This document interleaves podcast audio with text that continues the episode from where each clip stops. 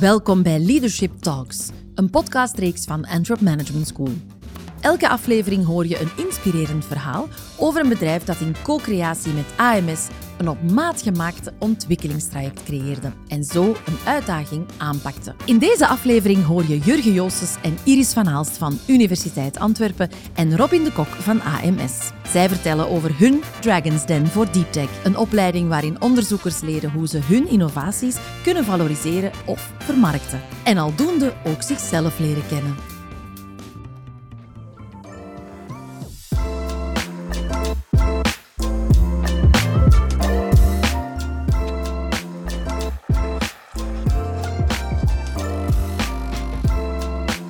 Goedemorgen, Jurgen, Iris en Robin.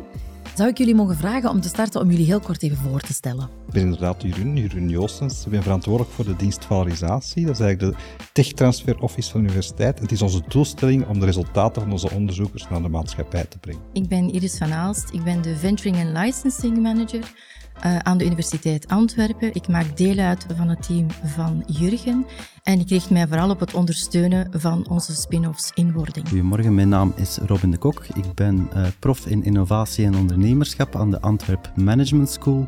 En mijn taak bestaat er voornamelijk in om uh, les te geven aan toekomstige ondernemers en ook onderzoek te doen naar hoe we ondernemers kunnen bijstaan in hun tocht naar impact creëren. Hoe drink jij je koffie? Drink jij koffie? Ik drink koffie en liefst zo sterk mogelijk. Ik kijk altijd naar de boontjes op de verpakking en ik ga toch wel naar 9 of 10 om de dag eh, zeer succesvol rond te komen. Voor mij mag die koffie iets minder straf zijn met een wolkje melk. En ik drink geen koffie. Dus ik, uh, ik heb drie jaar in Londen gewerkt. Ik heb elke morgen uh, in mijn hotel moeten uitleggen waarom dat ik geen koffie drink. Jurgen, als ik met jou mag starten, wat was jullie uitdaging? Waarmee zijn jullie bij Antwerp Management School terechtgekomen? Dus wat wij eigenlijk nodig hebben is, wij willen ons onderzoeksresultaten naar de maatschappij brengen, ofwel als een spin-off ofwel in licentie geven aan een bestaand bedrijf. Maar wij merken toch dat er een groot verschil is tussen het resultaat dat onze onderzoekers momenteel hebben, dat al een zeer mooi innovatief resultaat is, en de verwachtingen van de industrie en de investeerders. En daarvoor hebben we eigenlijk mensen nodig van buitenaf, die gewoon zijn om te pitchen naar investeerders of naar uh, bedrijf, bedrijfsleiders. En uh, daarvoor hebben we de Antwerp Management School, omdat zij juist dat soort mensen opleiden en ook dan juist weten wat de verwachtingen zijn van dat soort uh, mensen. Iris, jij bent daar dagelijks mee bezig.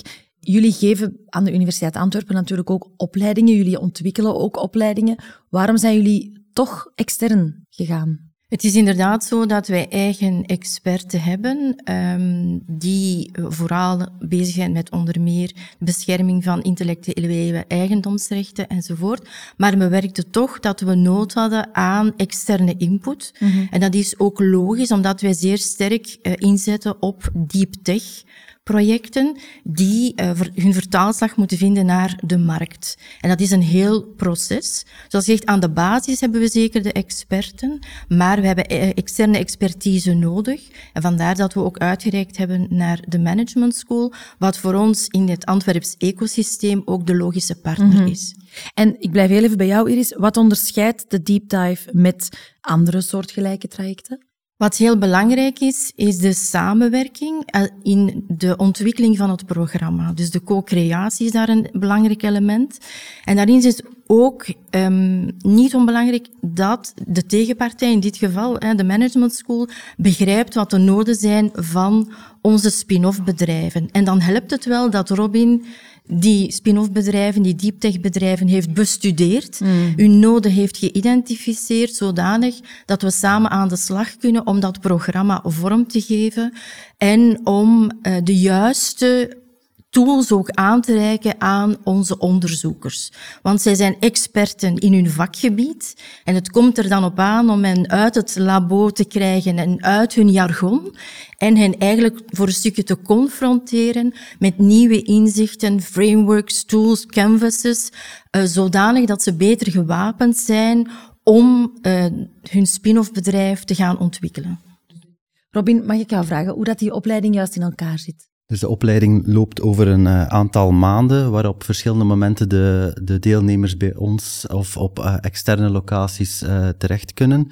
Als we spreken over de inhoud, dan gaan we eigenlijk de topics behandelen die nodig zijn om van een sterk, interessant technologisch idee te gaan naar impact. En die impact kan zijn een uh, spin-off opstarten, uh, kan zijn een interessante licentiedeal maken, of kan ook wel zijn het inzicht hebben van oké, okay, wij moeten nog aan een aantal zaken sleutelen. Um, dit is de, de, de lat, daar ligt de lat en daar moeten we kunnen overspringen. Dat is de inhoud. Als we kijken naar hoe dat we dat brengen, is het natuurlijk niet op de traditionele manier waarop ik heel de tijd sta te vertellen, maar uh, waarin dat we eigenlijk heel kort ingaan op wat is er um, academisch al onderzocht geweest en dan heel snel gaan naar wat zijn de tools die zij concreet kunnen gebruiken om hun idee naar het volgende niveau te brengen. Maar ik kan me voorstellen in dit geval dat het toch wel vrij one-on-one moet gebeuren ook. Ja, dus er is een uh, luikje waarin dat we uh, elkaar uh, interessante discussies hebben over elkaars mm -hmm. ideeën, maar er is ook een luikje waar dat er one-on-one -on -one coaching is om echt specifiek hun idee te behandelen en hun idee, hun business case te gaan versterken. Dus dat zit ook heel hard in het, uh, in het programma. Okay. Soms moet je ook kunnen afwijken van het oorspronkelijke idee. Hè. Dus die ja. onderzoekers stappen met een bepaald... Uh, die hebben hun toepassing, hun technologie, die hebben al een idee hoe dat zij dat zelf zou willen ontwikkelen, maar eigenlijk moet ik even abstractie ervan maken en kijken wat heeft de markt nodig, wat heeft mm -hmm. de maatschappij nodig. En het kan zijn dat dat oorspronkelijke idee helemaal moet omgevormd worden, wel op basis van dezelfde technologie, maar een totaal andere toepassing. Ja, de... Dat is ook wat we proberen in de, in de deep dive. Onze deelnemers weten dat eigenlijk ook wel, voordat ze eraan beginnen. Het is zo dat zij moeten kenbaar maken dat zij eigenlijk een uh, spin-off traject ambiëren, dan wel de uitwerking van een licentieovereenkomst. Dus dat is al een eerste selectiecriterium, zeg maar. Dus het programma staat open voor mensen met die uh, focus. En zij weten ook dat de uitkomst kan zijn dat er eigenlijk geen levensvatbare business case in hun idee zit. Dat is een harde boodschap, maar het lijkt ons beter dat we binnen de setting uh, die we willen creëren, is toch een, een setting van vertrouwen ook. Mm -hmm. En om in die setting eigenlijk te komen tot het resultaat dat mogelijk ook negatief kan zijn. Zodanig dat we daarbij ook wel kunnen wat ondersteunen. Maar de uitkomst kan inderdaad ook zijn dat er geen business case in zit. Wat maakt de opleiding en de samenwerking uniek? Wat ons uh, uniek maakt, is dat we nauw samenwerken wat betreft de inhoud van uh, de verschillende sessies, maar dat onze uh, deelnemers ook wel de kans krijgen om naast een dag sessie, zeg maar, om aan de slag te gaan met hun business case. Ze krijgen de tools aangereikt om dat te doen, ook via de coaching. Maar dan moeten ze het vooral ook zelf doen. En uh, op het moment dat men uh, terugkeert, zeg maar, en we elkaar terugzien, wordt er ook gedebriefd over de stand van zaken. Um, we werken uiteraard rond, uh, zoals gezegd, diep tech. Dat kunnen zowel cases zijn die leiden naar een spin-off, maar ook uh, kunnen leiden tot licentieovereenkomsten. Dus beide worden daarin eigenlijk gecapteerd. Wat ons uniek maakt, is die nauwe samenwerking ook.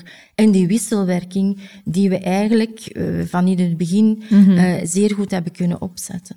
Robin, is op zich elk onderzoek of elke onderzoeker geschikt voor deze opleiding? Ik denk het wel. Het belangrijkste is vooral de motivatie. Hè. Is die persoon um, bereid om het maximale te doen om zijn idee naar een hoger niveau te brengen en om te zetten in een business case?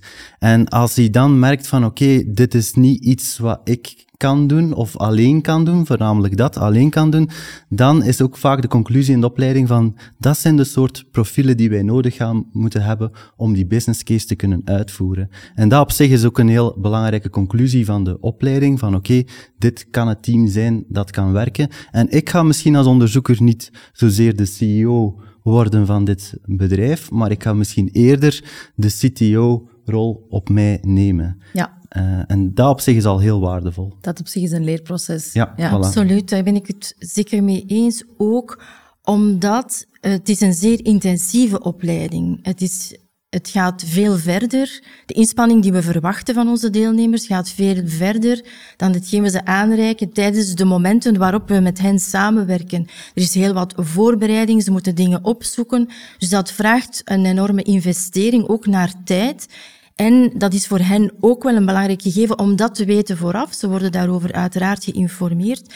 En uiteraard het teamaspect is cruciaal in het mogelijk welslagen van onze spin-offs in wording. Dat is vaak ook een harde les omdat het best kan zijn dat de onderzoekers met bepaalde persoonlijke ambities deelnemen uh, aan dit programma, maar en cours de route ervaren dat dit mogelijk voor hen toch niet de juiste rol is die ze voor zichzelf hadden ingeschat. Ik denk dat het ook belangrijk is, meestal zeggen ze passie, eh, doorzettingsvermogen, maar daarnaast komt eigenlijk ook nog het coachable aspect. Je moet je kunnen laten coachen, je moet openstaan voor nieuwe inzichten. Je moet dat zomaar niet aannemen, dat, dat verwachten we ook niet, maar je moet er wel over nadenken en denken, oké, wat, wat, is er nu gezegd? Kan ik daar iets mee doen? Kan ik mijn case daarop aanpassen en verbeteren?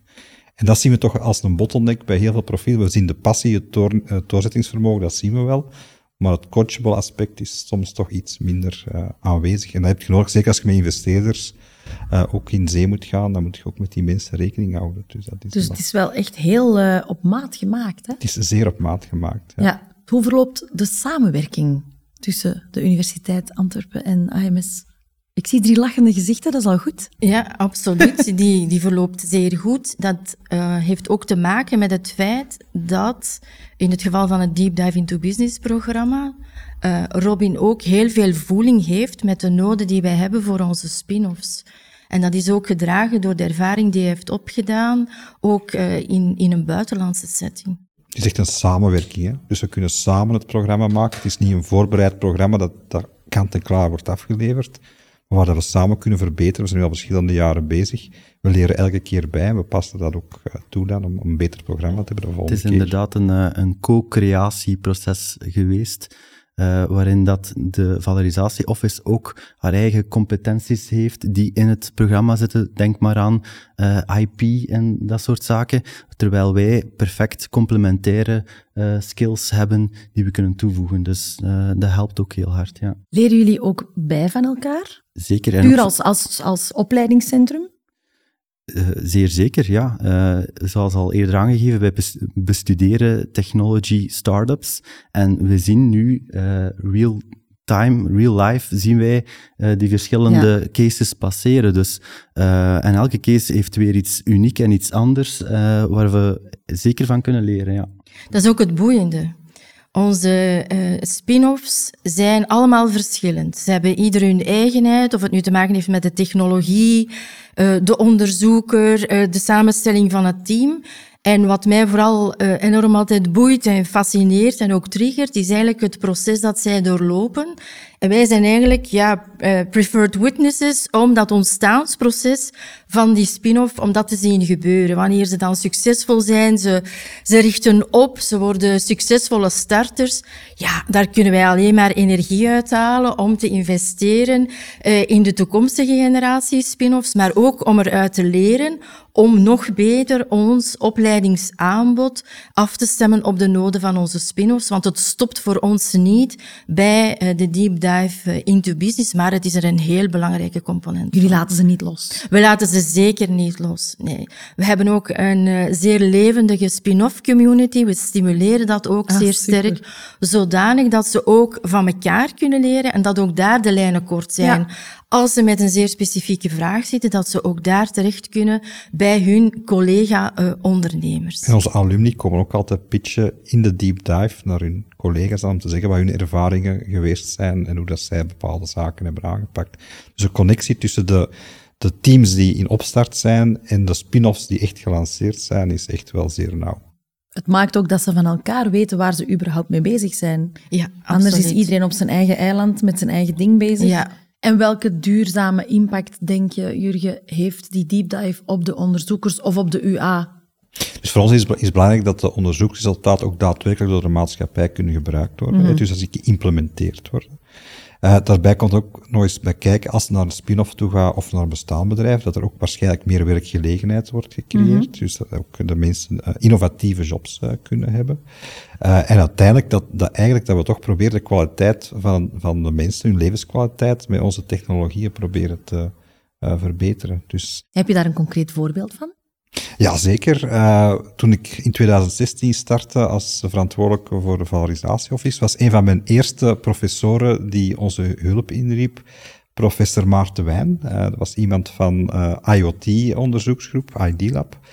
Uh, en die kwam af met uh, dat hij een technologie had om een personeelsbadge slimmer te maken. En wat hij wou doen, was eigenlijk in de petrochemie uh, de personeelsleden monitoren als iemand dan ziek zou vallen of een ongelukje had en die viel op de grond. Dat onmiddellijk kon gezien worden of dat daar een probleem was, dat er dan hulp kon geboden worden. Dachten allemaal, ah, fantastisch idee, we gaan het afchecken met, uh, met de petrochemische industrie.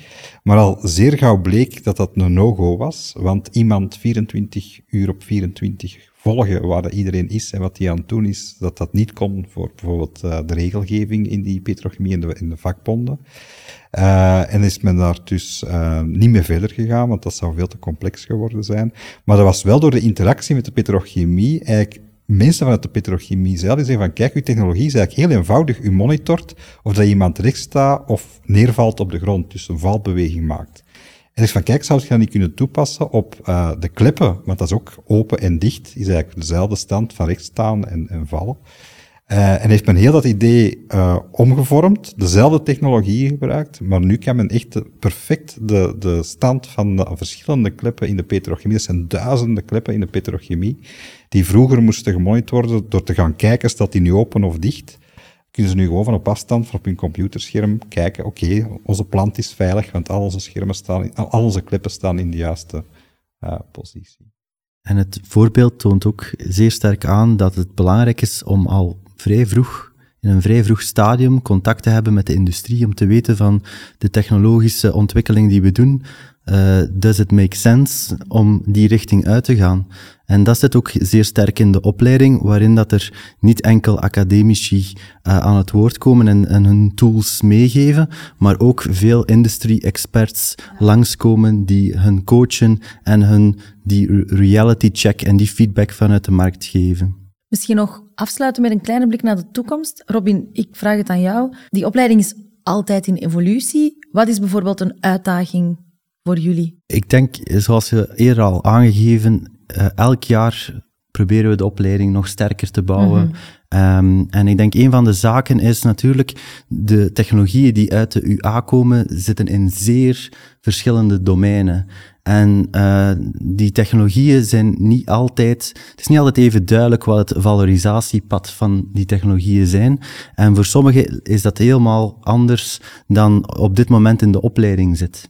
En vooral voor die technologieën denk ik dat we daar ook nog de opleiding gaan versterken om ook voor bijvoorbeeld meer de life science-achtige uh, technologieën, om daar ook nog een, uh, een sterker aanbod aan te geven en nog meer tailor-made naar die technologieën te gaan. Het is, een, het is belangrijk om te benadrukken dat voor ons de deep dive into business is een basis, maar het traject is nog lang, dat zeggen we hen ook.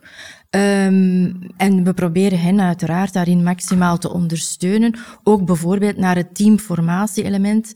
Ik denk dat dat ook nog een belangrijk gegeven is om onze teams nog beter te ondersteunen in de formatie van en het aantrekken van verschillende profielen. Uh, want dat blijft toch een uitdaging. Terwijl we weten uit ons eigen onderzoek dat de entrepreneurial teams de make or break kunnen zijn van een business case. Hoe moeten ze zich inschrijven bijvoorbeeld? Uh, ze kunnen zich gewoon aanmelden bij de dienst valorisatie. We hebben ook uh, valorisatiemanagers, die ze eigenlijk allemaal kennen. Dat zijn mensen die, die dagdagelijks met hen samenwerken om hun onderzoek uh, meer maatschappelijk gericht te maken en een economische rentabiliteit te laten krijgen. En ze kennen die mensen, ze kunnen die gewoon contacteren en dan komt dat bij ons terecht, dat wij er moeten op werken. Oké, okay. dan wens ik jullie daar nog heel veel succes mee. Dank u wel. Dank u. Dank u. Fijn dat je naar deze aflevering van Leadership Talks luisterde. Wil je meer informatie over een op maat gemaakt ontwikkelingstraject van AMS? Surf dan zeker naar antwerpmanagementschool.be/connect. Tot snel!